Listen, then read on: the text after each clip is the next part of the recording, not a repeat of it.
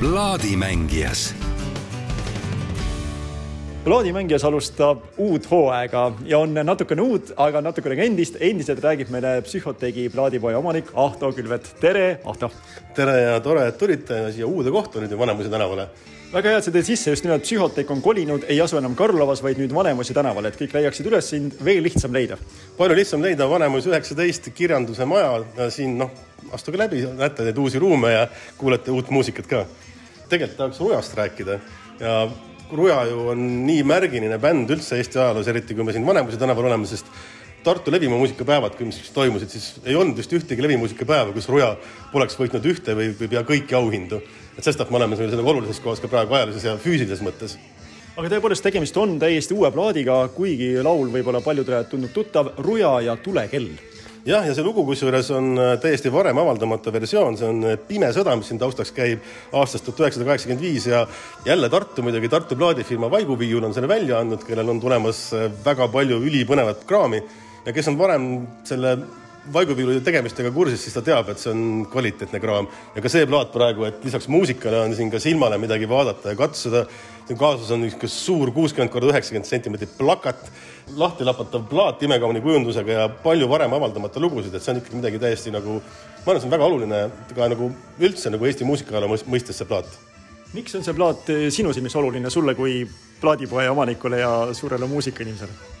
No Ruja võib-olla, ma olen nüüd aru saanud, et on selline lõpp, peaaegu lõputu varamu muusikat, mis on oluline Eesti ajaloos, mitte ainult muusikas, vaid ka kirjanduse poolest näiteks.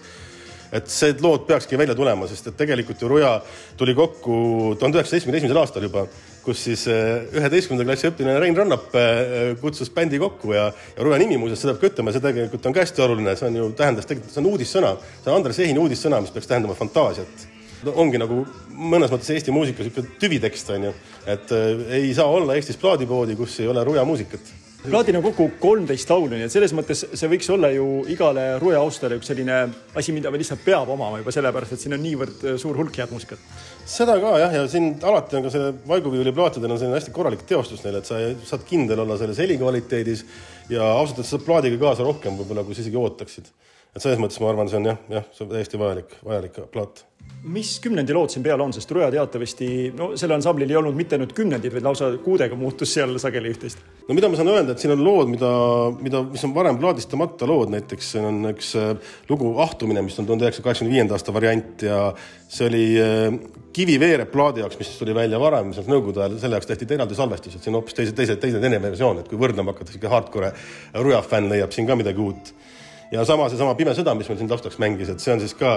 teistsugune lugu, et seda pole varem avaldatud. huvitav on ka see, et fonogrammi õigused on seal bändil endal ja peab ka seda meelde tuletama, et tegelikult Ruja enam ei esine.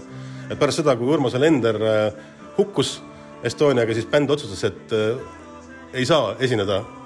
ansambel Ruja enam ilma temata. et kõik muud asjad siis on, on siis koosseisud, mis mängivad Ruja muusikat. aga Rujaga ansamblit enam ei ole, et need, kes seda kunagi nägid või kuulsid, on õnnega koos selle plaadi kohta tuleb siis eraldi toonitada, et see ei ole nüüd repress, see ei ole mõne varasema plaadi kordustrükk, vaid see on täiesti uus plaat, täiesti uuena kokku pandud, lugude valik hoopis teine ja sellist plaati varem ilmunud kunagi ei ole. Äh, sellises koos koosseisus küll mitte jah, ja noh, Rujal on nagu tegelikult väga palju ilmunud muusikat ja CD-de peal, kolmik CD-d on välja tulnud ja, ja, ja palju, aga, aga noh, vinüüli peal on see jah, täiesti sihuke ainukordne oled sa kursis ka, kui palju selliseid plaate tavaliselt tehakse, ehk siis kui inimene nüüd kuu aega reageerida ei jõua, kas see tähendab seda, et see plaat müüaksegi lõpuni läbi, sest ma ei kahtle, et see Roja plaat müüakse läbi? see võib juhtuda küll, ma ausalt öeldes ei oska selle äh, tiraaži kohta öelda, ma pakun, et võib-olla viissada tükki, aga ma võin ka seda lohutada, et äh, Vaiguviiul on teinud äh, represse oma, oma plaatidest, kui propelleri plaat tuli neil välja, mis oli väga noh, edukas ja müüdi läbi, et nad tegid nagu uue pressi ka. kui sa oled nagu melomaan, siis sa muidugi pead omama seda esimest pressi, aga kui sa oled lihtsalt muusikahuviline, siis sa võid loota sellele, et võib-olla tuleb kunagi teine press ka kuulame midagi sellist, mida võib-olla tõesti varem kuulatud pole, mis loo sa välja pakud? see oligi siis Pime sõda, mis siin taustaks mängis, see on äh, tuhande üheksasaja kaheksakümne viienda aasta versioon, mida varem pole äh, ühegi kandja peal ilmunud